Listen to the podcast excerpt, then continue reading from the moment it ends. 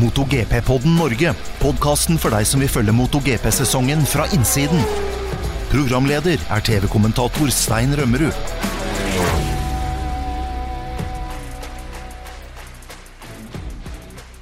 Velkommen til episode 37 i MotoGP-podden Norge. I dag med Dag Steinar Sundby, Thomas Sigvartsen og meg selv som heter Stein Rømmerud. Hei på deg, Thomas. Hallo. Og Dag Steinar, du er klar? Jeg er klar, vet du. Jeg er på plass. Dere skal jo faktisk eh, kommentere til helga. Det blir jo nattsending fra Indonesia. Er dere klar for det, da? Ja, tidlig seng på fredag og tidlig opp på lørdag. Veldig tidlig opp. Ja, det blir tidlig, men det er eh, Der vi er eh, Hadde jo et par, bare et par helger siden vi var tidlig oppe i Japan, Ja. Sundby, så vi, Ja. vi klarer det, vi. Det er, Vi klarer det. Det er hyggelig å nyte morgenkaffen med litt MotoGP på deg. Så-. Grumpy old fart ved siden av. Ja, det er beinhardt. Det er jo det er en ganske tøff periode av kalenderen vi er inne i nå, da. Med Indonesia, Japan. eh, India var jo før det. Og så hadde vi, altså kommer Australia, Thailand Uh, og så Malaysia og Qatar. Så det er liksom verste delen av året, dette her, med nattsendinger og, og litt sånn eh, krevende tidssoner. Men det er vel enda verre for, eh, for førere og team, for nå går det slag i slag framover. Det er veldig tett program, og vi ser jo det også da.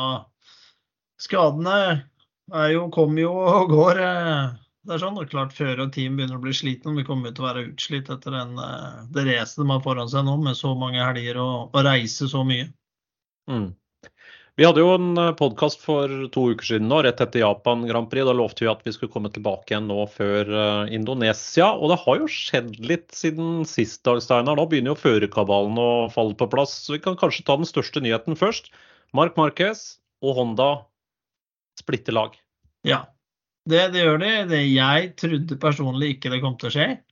Jeg er overraska at det, det ble den veien når han hadde ett år igjen av kontrakta. Så eh, ja, nå er han eh, free to go på en måte. Vi veit jo ikke hva det blir økonomisk med den, den delen, at den går et år tidligere, da. Men, eh, men han har ikke signa noe nytt sted, selv om alle sier at han skal til Gresini. Men det går litt andre rykter òg. Mm.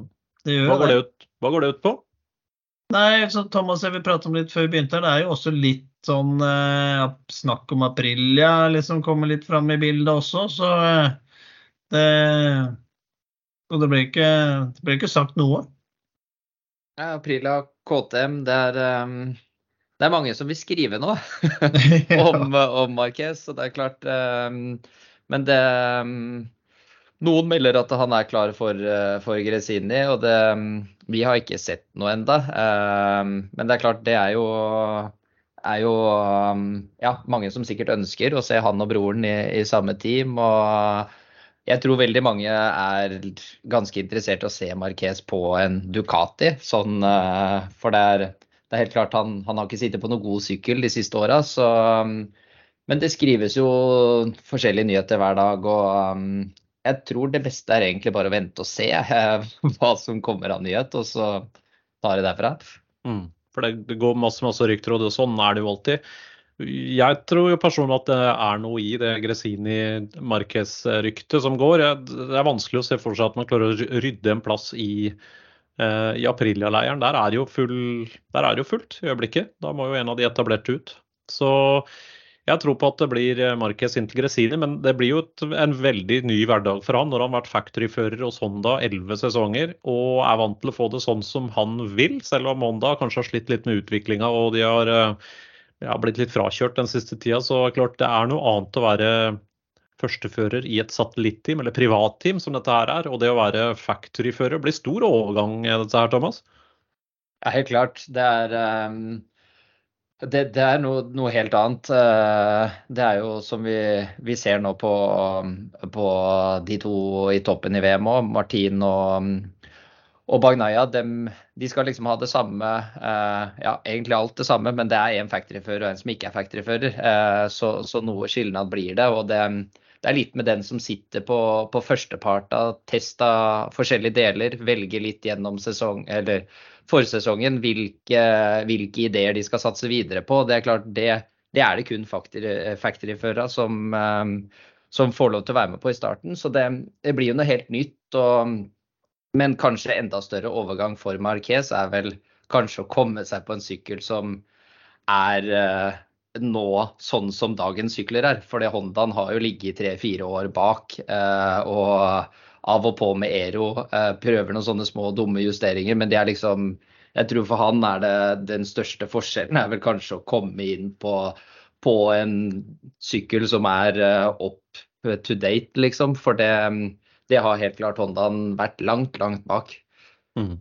Det blir stor overgang da, med et, uh, både Ero som fungerer og Ride Height-system uh, som fungerer. Dette er jo en sykkel som vi vet kan vinne løp. Han uh, skal jo da, Hvis han skal inn til Gresini, vi får jo ta det som en forutsetning nå for denne samtalen sin del, at da blir det jo en 2023 Ducati han skal kjøre da, til neste års sesong. Da er den um, ett år gammel. Vi vet jo nå at den er kapabel til å vinne løp. Vi ser jo Martin og Bagnaia kjører jo på den 23 Ducatien nå. De har jo Eh, dominert nå den siste tida. Det er tre poeng som skiller de to. Det er 319 mot 316 poeng. Alt tyder på at mesterskapet kommer til å stå mellom de to på en 2023 Ducati. og Den vil jo da i prinsippet være samme sykkel som han kjører til neste år. Eh, hvor lang tid vil det ta for Marquez eh, Dag Steinar, å kjøre seg inn på en Ducati? Det er jo en helt annen sykkel enn Hondaen. Ja, før han skal livet, tror jeg ikke bruker lang tid på det. Jeg tror han vil eh, finne ut det veldig, veldig raskt. Ja, så, så eh, det er ikke mange tester før han, uh, han, er der, det er jeg rimelig sikker på.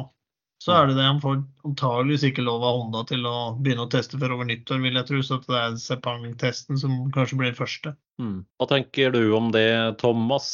Marquez har jo, han har jo en tradisjon for å han, han i hvert fall hvis du ser på den karrieren han har hatt, da, både da han kjørte i 125-takt og den Suteren han kjørte i Moto 2 og etter hvert Honda i Moto GP. Han har jo alltid han har kjørt helt maks med det han har. Kanskje til og med overkjørt de syklene sine hele veien eh, fra første ja. stund. Ja, det, det, det, er akkurat eh, som du sier. Det er, det er kanskje den eneste føreren vi har sett i MotoGP nå i, på lang, lang tid som som har overkjørt absolutt alt den sitter på. Eh, og det starta fra han kom inn i, inn i 125 at, eh, og hoppa over på en Suter i Moto 2 eh, og alle de Hondaene han har kjørt. Eh, han, han, har jo overkjørt dem med en gang og um, bare funnet en måte å kjøre den sykkelen på for å komme først i mål. Eh, så jeg tror jeg er ganske enig med Dag Steinar. Jeg tror ikke det, det tar så lang tid før han, han finner en måte å å kjøre den sykkelen på veldig fort òg. Men det er klart, nå, har det vært litt opp og ned de siste åra. Det er jo ikke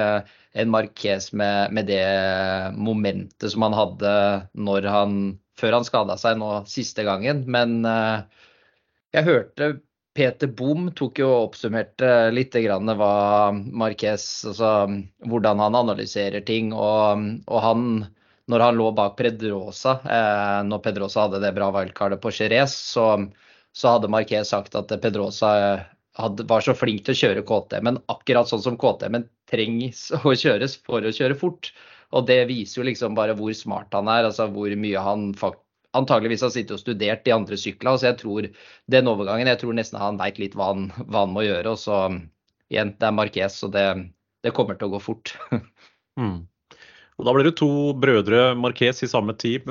Hva betyr det for framtida? Kan man se for seg her at dette blir et Marquez-team fremover, i større grad enn å være et Gresini-team? Jeg veit ikke. Gresini har så lang eh, tradisjon nå da, i MotoGP. Sånn, klart det ble jo det ble satt i en helt annen situasjon når Fausto Gresini gikk bort under covid. der sånn, og, eh, Men de har jo drifta det teamet veldig bra videre. da, men Vi hadde jo Bastanini som var inne og vant, og, og, nå har jo Alex Marquesos gjort det bra. Så jeg veit ikke om eh, ja, jeg, jeg, tror ikke Gresini blir borte. Jeg tror de har såpass sterk posisjon eh, i, i MotoGP at det ikke det blir en kan du si, over på et Marquez-team liksom, for framtida. Det er ikke sikkert mm. Marquez og brødrene Marquez har så interesse av å drive et team eller sånn. Så eh, det er jo eh, Ja. Det er jo Men det er en spennende tanke. Men eh, hva tror du, Astein, i forhold til da med Mark Marquez da, på en Gresini Ducati? Jeg tror han blir konkurransekraftig allerede første sesong. Han er jo åtte ganger verdensmester. Han har jo alltid vært god til å kjøre maks med det utstyret han har. Og nå vet vi at han får utstyr som er kapabel til å vinne løp, og da vil han eh, kom, finne ut av det ganske raskt, tror jeg. Men det er klart, det blir uh, veldig spennende å følge. fordi han skada seg jo i starten av 2020-sesongen, og det var jo egentlig da for alvor vi begynte å se effekten av Ero-løsningen og den uh, si, dagens moderne MotoGP-sykler. Så han har jo egentlig ikke vært veldig rask med den løsningen som er i klassen nå, så det vil fordre en ordentlig omstilling. Han, han, må faktisk uh, kjøre litt på en ny måte nå enn det vi har sett han har gjort før. Så jeg er veldig spent på å se hvordan han tar det overgangen. gangen. Men det han ofte gjør, og det har vi sett når han er i form, det er at han tester jo grensene så langt at han alltid er ja, Han krasjer jo en del. Han krasjer på fredager, han krasjer på lørdager. Leter etter grensa, og så virker det som han liksom får stilt inn uh, hjernen på og feelingen på det. For han er jo en feelingfører i veldig stor grad. Han må ha en god feel. Og han har jo alltid også hatt en veldig sånn løskjørestil. Stoler veldig på fronten og er løs med, med, med hekken. Jeg tenker jo at det, det blir en overgang for han da, med alle de løsningene som er på Ducatien. Å lære seg det der og bruke den kjørestilen sin til det beste for å prøve å hente ut maks av, eh, av den Ducatien. Så jeg er veldig spent på det. Jeg tror han blir konkurransekraftig allerede i, i første sesong, men han vil antageligvis bruke litt tid. For det er, det er to veldig ulike sykler med ganske ulike egenskaper, Hondaen og, og Ducatien. Og så er det jo også sånn at det sportslige nivået nå, det er, det er ikke noe lavere nå enn da han tok sin siste tittel i 2019. Eh, snarere tvert imot. Det er eh, veldig jevnt i toppen nå. Vi har toppførere som Pekko Bagnaya og Jorge Martin. Betsekki kommer sikkert sterkere tilbake etter hvert også. De gutta der vil jo ikke slippe Mark Marquez eh, lett til. De kommer Nei. til å gjøre livet surt for, surt for han. Absolutt, absolutt. Men vi ser jo som en løs kjørestil så sånn, ser vi som det ble et Binder og sånt nå også. Da. Så jeg tror eh, Han er jo også rimelig lus også. Miller også, så jeg tror, eh, jeg tror Marquez også vil komme raskt, som du sier. Altså. Jeg tror ikke det vil ta så lang tid før han er der. Mm. Nei, så kommer det jo litt an på Jeg tror også veldig mye nå i dag som som du sier, Stein, at det, det sportslige har liksom, det har ikke blitt noe dårligere. Det er, det er, tettere, og nå er det litt sånn at eh, team og teampersonell, de du har rundt deg, kan vippe det den ene eller andre veien. For at det, det er litt mer eh, Alle nyvinninger som har kommet på syklene nå, så er det enda mer datastyrt. Sånn i form at du, du leser telemetrien og ser litt at eh, de og de linjene er bedre. Og det Har du de rette folka rundt deg, da, så, så tror jeg altså en fører av Marquez sitt kaliber, så han gjør det han får beskjed om, og det ser de raskeste løsningene. Men, men du skal liksom ha hele pakka rundt deg. Da. Det er det som blir spennende å se. Om han eventuelt går til Gresini, hva, om han får med seg Santi Hernandez fra Honda, hvordan mm. han takler å jobbe på Ducati, og, og, hva han får med seg av teknikere. Sånn at det, eh, for hele pakka må være komplett for at det, det skal fungere. Ja, det må det. Og det ryktes jo at han ikke får med seg Santi mm. Hernandez over. Og ingen av de andre fra Repsol Honda-teamet heller. Og da blir det veldig mye nytt. I tillegg mm. til det så blir det jo også en helt annen økonomisk hverdag enn det han har i dag. Nå er han factoryfører for et av de mest ressurssterke teamene. Vi vet at han har jo sittet og banka inn 8-10-12 millioner euro per år i årslønn. Det forsvinner jo nå. Nå kommer han til å ta en ordentlig reduksjon i årslønn. Han tar med seg sponsorer, helt sikkert. og det er jo også sånn at Man har gode utstyrssponsoravtaler her med både skinndress, hjelm, kjørestyr kjøreutstyr altså, og, og, ofte andre sponsorer også. Han har jo Red Bull i ryggen bl.a., og det er vel veldig mye som tyder på at de vil bli med over i en ny satsing. Så noe lønn blir det, men det blir jo en ordentlig, ordentlig reduksjon. og Det bare viser jo også hvor sulten han er på å fortsette den seiersrekka si. Han vil jo mye heller ta en ordentlig reduksjon i årslønn og være konkurransekraftig, enn å sitte og bare cashe inn på en sykkel han ikke klarer å, å mm. vinne VM med. Jo, det er, det er, klart det er viktig å vinne. Det var litt sånn som eh, ja, det er jo langt tilbake i tid, sånn som Eddie Lawson gjorde det fra 88 eh, til 89. Hadde jo et, en, eh, en, OK deal med Yama, men han også gikk til, også gikk til Honda da for å være på annet marsjmateriale, At ting ikke fungerte eller som Yama som han ønska. Så ja, det er noen som har gjort det før, eh, før også. Så, eh, men klart det blir en helt annen hverdag. Han tok jo tittelen, han. Han gjorde det. 89 med Honda. Mm. Før Rainy kom for fullt, 90, 91 og 92. Mm. Så det blir veldig morsomt å se. Og så er det en ny mann på vei inn i MotoGP. Det var jo en nyhet vi for så vidt visste mye om på forhånd. Pedro Acosta, som nå leder Moto2-mesterskapet, kjører i Ayo-teamet nå, er et av de store spanske nye talentene som er på vei oppover. KTM sa tidlig at han skal kjøre MotoGP til neste år. Og det sa de før de hadde klart å finne en løsning på kontraktene. Men nå er det klart, Thomas. Pedro Acosta han skal inn, og han skal kjøre MotoGP i 2023. Og det blir på en Gassgass Tech 3 KTM.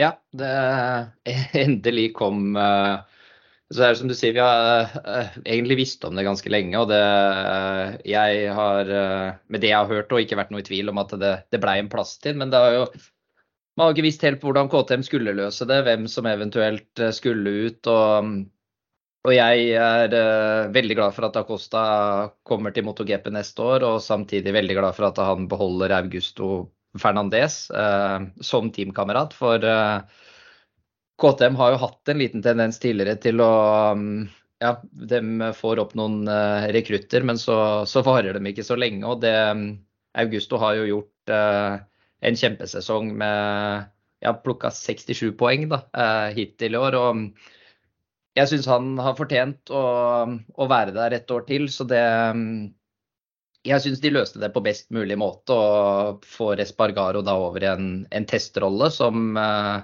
har mye kompetanse på KTM, men har vært med dem i, i, lang tid. Så jeg tror for KTM sånn i helhet, så tror jeg det der um, Det bare gjør dem sterkere. Mm.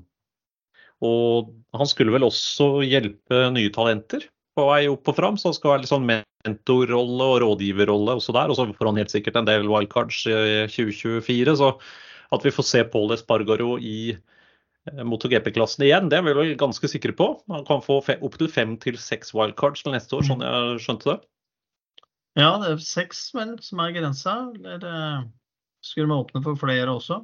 Jeg er ikke sikker. Men eh, klart, han får jo, han får jo kjørt mye allikevel, da.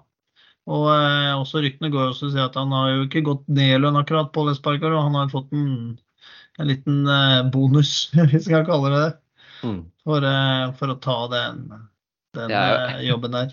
Jeg er for så vidt fortjent det med all julinga ja. han har tatt for KTM. Ja, ja det, er ingen tvil om. Ja, han har slått seg mye.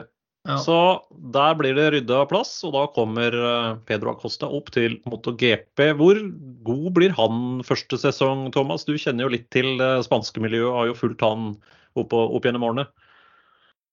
Nei, det er, eh, det er, vanskelig å si akkurat første året, men, men Pedro er veldig tålmodig. Og han har et mål om å, å vinne MotoGP, så jeg tror nok han kommer til å, til å, jobbe veldig riktig neste år. Uh, lære de tinga han trenger å lære. Fokusere mer på å egentlig bli komplett som, som GP-fører. Der at han må, må, lære alle ting som er på de sykla for å, å komme langt. Så, men eh, ja, vi ser jo Augusto har fått vist potensialet sitt i år. Henta bra med poeng og gjort noen veldig gode løp. Jeg er helt sikker på at vi får se mye av det samme, om ikke enda litt bedre, fra, fra Costa neste år. Eh, men så tror jeg nok han, han, har en langsiktig plan med det her, og det har vi sett. Eh, nå gikk det veldig fort i Moto 3 for han, men i Moto 2 så var det liksom første året skulle det læres, andre året skal jeg vinne. Og er jobber langsiktig og er jo uten tvil et enormt talent som jeg,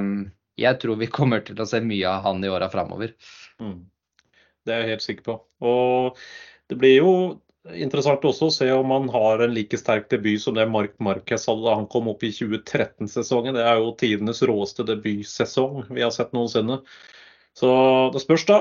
Men uh, som vi har nevnt før her, det er et sportslig nivå er vel høyere nå enn det har vært uh, på veldig veldig lenge. Så det blir ikke enkelt. Men det er fint å få han inn. Han er en uh, publikumsmagnet, begynner å bli veldig populær blant tilskuerne og en profil som vi trenger. For det er uh, sporten har godt av litt sånne nye, friske, kule talenter. Og Pedro Acosta er vel en av de. Ja, absolutt. absolutt. Det skal nok litt til å matche den første sesongen til Marquez, nå som du sier sportslig nivå er såpass mye høyere. Men eh, ja, han vil nok eh, markere seg, ja. ja.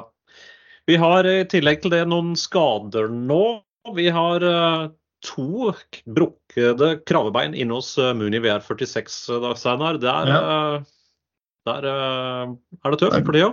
Der er det tøft for tida, ja. De går i asfalt og synger. Nå eh, Betseki gikk vel på ranchen til Rossi under trening der, sånn, men det er jo, ja. Man kan si hvorfor satser de så fælt eh, midt i sesongen og risikerer så mye, men det er eneste måten de kan få holdt seg der oppe på, å være liksom på sharp end. Så eh, det er ting som skjer.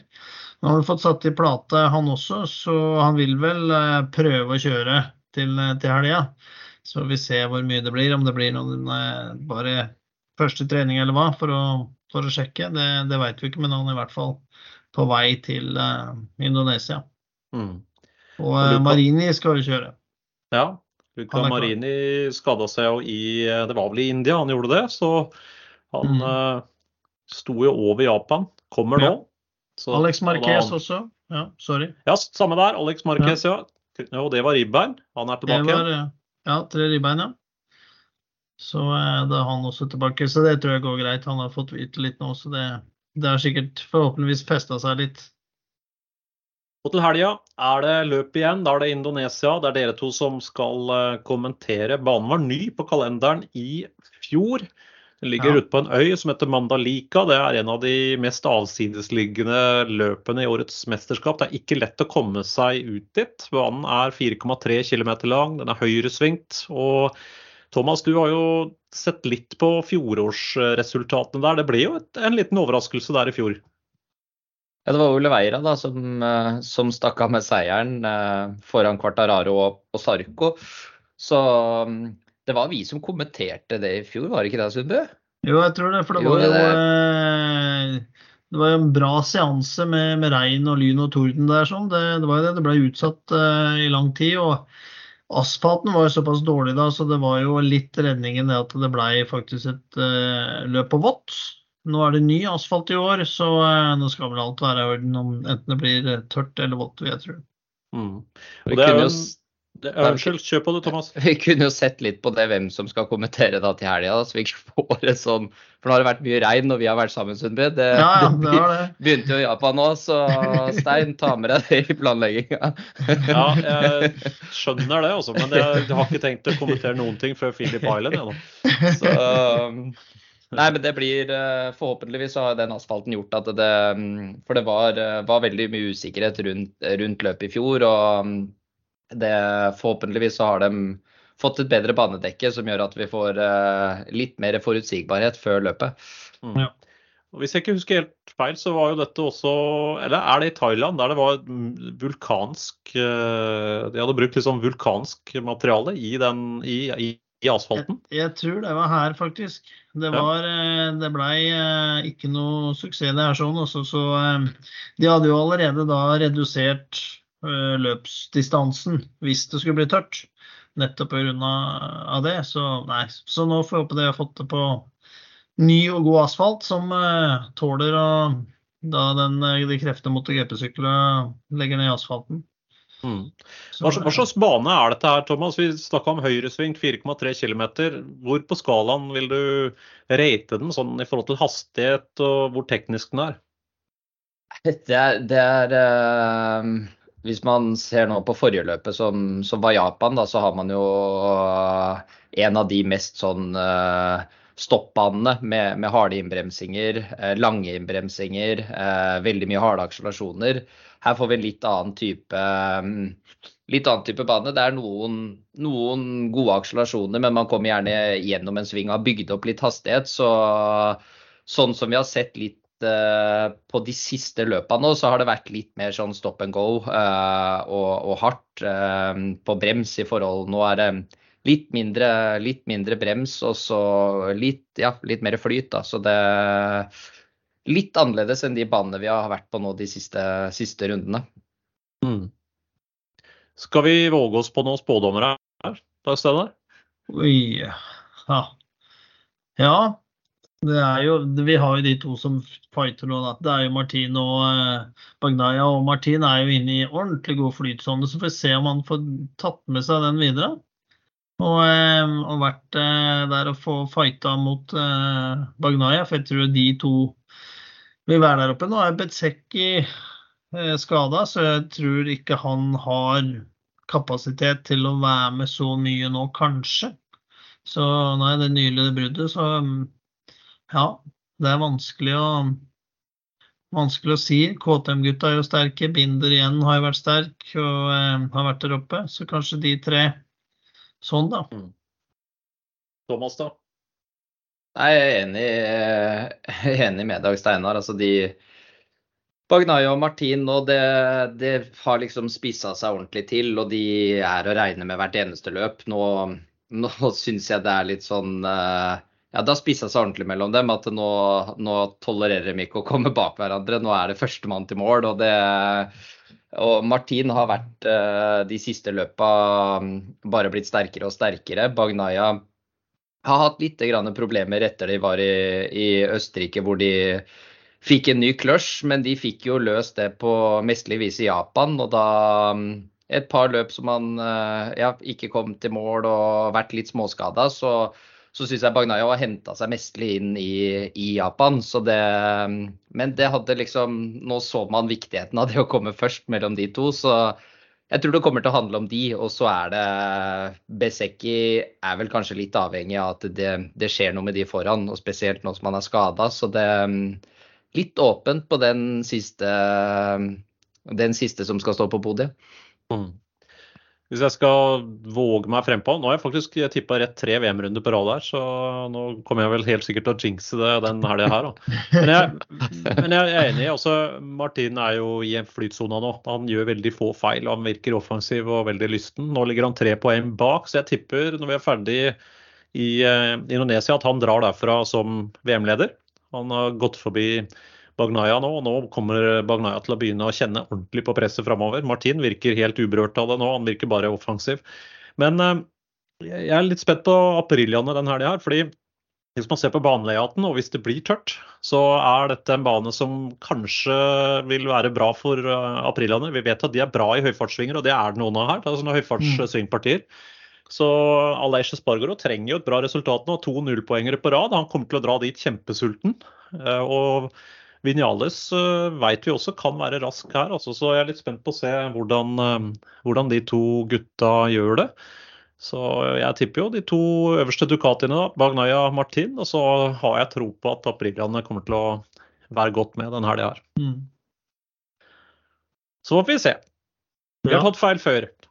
Det har vi gjort. Nei, layout er enig det. Layout-messig så er det en del som også kan være veldig positiv for april igjen. Du ser også den inn fra 14, 15 og 16-svingen der med mye brems med nedlegg og um, er en del på, på sida av dekket, sånn som vi ser også på Silverstone uh, noen ganger også. Så uh, ja, kan hende Aleish blomstrer. Han har jo hatt en som i år, som i fjor, en veldig dårlig start på de flyway-raca. Det har vært bra til første halvdel. og så når vi begynner å og eh, reise til andre verdensdelene, så går det ikke så bra for Valers. eh, Mm. Det gjorde ikke det i fjor, og har ikke gjort det i år.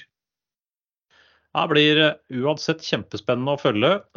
Hvordan ser sendetiden ut den helga her, Dagsteiner? Det er sånn ganske ukristelig greie?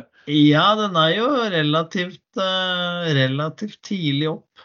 Det, det, skal vi jo. Så GP-kval fra, fra, rundt fem, ja, mener jeg å huske. Fire, ja, vi skal vel i studio fire, var det vel. Så ja, det blir opp på morgenen, Thomas. Jeg skal, ta tiden her, jeg bare for å gni det ordentlig inn. Det ja, er ja. Eh, MotoGP kval 1. Da skal uh, sendinga begynne 04.45 norsk tid. Ja. Så det betyr vel at dere skal være i studio sånn ved 03.30-tida, da? Ja, det er bare litt før vanlig. Ja, ja, det der er, da, da, smaker kaffen enda bedre, så det der blir bare, bare hygge. Og da går, eh, da går MotoGP sprintløpet 13 runder. Det går klokka ni norsk tid.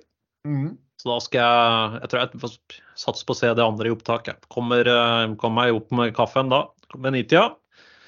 Og ja. på søndag så er det Moto 3-løp. Det starter klokka seks eh, norsk tid. Moto 2 07.15, MotoGP 09.00 det også, så begge MotoGP-løpet er klokka ni. Både lørdag morgen og søndag morgen. Yes. Så det blir bra. Ja da. Så søndagen er jo veldig fin, da. Da er det jo seint opp. Ja, da kan vi faktisk ligge og dra oss litt, så det Det ble sovemorgen, som svenskene sier. Ja, ja, ja. ja. nei, altså det blir, det blir bra. Det er spennende. Se om eh, hvor stor innvirkning været har i år, da. Har du sett noe værmelding ennå? Nei, men det er jo tropisk eh, eh, området. så det kan jo bli både ene og det andre. Vi så jo det i fjor, de måtte jo også ha inn eh, sånne som styrer litt eh, og ber til værgudene. Der hadde de også, som var inne og jobba. Så, så eh, Det var jo noen lynnedslag der som var eh, Ja. ganske seriøse. Det, de var jo seriøse. Det tok jo fyr i plenen der, så ja. Ja, det blir jo det ble spennende å følge. ja. Ja, men Bra, vi gleder oss til det. også. Nå har jeg nettopp fått mail, forresten. og Jeg har, um, jeg har kjøpt meg et sykkel jeg nå. Um, Jeg har uh, fått uh, mail nå om at uh, den er på vei til Norge. Jeg har nemlig bestilt meg en elektrisk crosser, en Stark Varg. 80 hester, 110 kilo, elektrisk. ja. Kommer til Norge nå. Det blir iskjøring i vinter, Sundby, med Ja. batteri. Det, det blir bra. Da skal jeg kjøre fossilt, og så kan du kjøre på el. Det er bra. Men eh, så eh, Ja, Og du tar- nei, også Det blir som i studio, da. Du tar deg av utslippet. Ja. Takk for det. I like måte. Så eh, skal vi se, da. Vi får vel ta deg med i crossløypa på. Gardermoen, så du får sjekka litt der. Så vi får slått oss litt. Ja, det, det, gamle menn knekker bein, er det noe som heter. Det er gammelt jungelår, så man skal være litt forsiktig. Så, og jeg har faktisk fått solgt uh, Pikes Peaken nå også, så akkurat nå er garasjen tom. Ja. Det blir Moto? E på deg neste år. Moto E, ja. Ja. 23, 23. mars i Portugal, første løpet. Ja. Har du noe å sikte imot? ja. Fat old blokes on electrical bikes. ja det blir fint. vi, vi ser fram mot det, Stein. At du Ja. stiller for Norge der, med det norske flagget. Alt for Norge. Ja. Det kommer ikke til å skje. Men um, hyggelig at dere tenkte tanken. Jo, jo, vi så for oss det. Fikk bilder i hodet nå. ja, veldig bra. Da skal vi gå inn for landing. Neste episode vil jo da bli eh, etter eh, Indonesia, men før Philip Island. Eh, Den VM-runden er det vel da Karoline og jeg som skal kommentere. Så det er, Ja. det er neste. Da vil det jo gå slag i slag utover. Etter det så er det Thailand og Malaysia, og det er vel stort sett hver uke framover. Så det er masse racing å glede seg til i de kommende helgene. Ja, det blir jo litt fraværende i tida framover, men etter vi har vært i, nå på Indonesia, men det går vel fint. Vi får Ja, kjøre for du skal, du skal ned og kjøre i Spania og Portugal? Ja, Catalunya og Portimao, så vi skal med en uh, gjeng gasseglade folk, så det blir bra. Så, uh, Portimal Portimao blir første, første gang for din del. Første gang, så da tror jeg vi får Jeg tror vi blir litt overraska der, faktisk, hvor mye opp og ned det er. Da forventer jeg å få en sånn uh, hopp-video, sånn som vi har sett uh, Toprak og gutta gjør. Ja, men det blir ikke av meg, for å si det sånn. da får vi få noen andre til å ta teste på det. Men Thomas, du har kjørt, du har kjørt der, har du ikke det? Jo, det, det har jeg. Ja. Mange ganger. Så um, du kommer nok til å være stiv i nakken, ja. Etter, eh, etter du får dratt deg rundt der. Så, men for all del eh, Jeg unner ikke den BMW-en din eller uh, Yamaen din at du skal ta sånn hopp over muren der. Så, så, så Ja, ja. Da får vi serve noe fjæring i vinter. Du tar den, ja. Hvordan, hvordan, få ut, hvordan få ut svimringa av forgaffelen? Ja, nei, nå er det Det har en tendens til når vi sitter og prater sammen, at det er, sist var det en Begge hadde vært i Italia. Han ene var igjen, han andre gjorde det. Nå er det en med ny sykkel, en skal Og jeg taper hver gang, så jeg må få lov å gi tilbake litt her. Sånn er det når du er Nei, uh, men jeg, jeg skal stå over den hoppinga, Thomas. Jeg skal det. Så, Nei, men du kommer til å ha det veldig moro, da. For det er, en Ja. veldig, det er en veldig fin bane. Og det, jeg er helt sikker på alle som er med ned dit, kommer til å ha det veldig gøy. For det er um, en veldig fin uh, og morsom bane å kjøre på. mm. Nei, vi ser fram imot det. bitte litt misunnelig, kjenner jeg. Um, ja, vi skal sende bilder. Tviler ikke et øyeblikk. Kos dere i helga. Lykke til med Takk. sending. Og etter Takk. det, god, god tur til uh, Spania og Portugal. Hold gummien nederst. Det skal vi gjøre. Det er bra. Fint. Ha det bra. Ha det. Ha det. Du har hørt MotoGP-podden Norge med programleder Stein Rømmerud.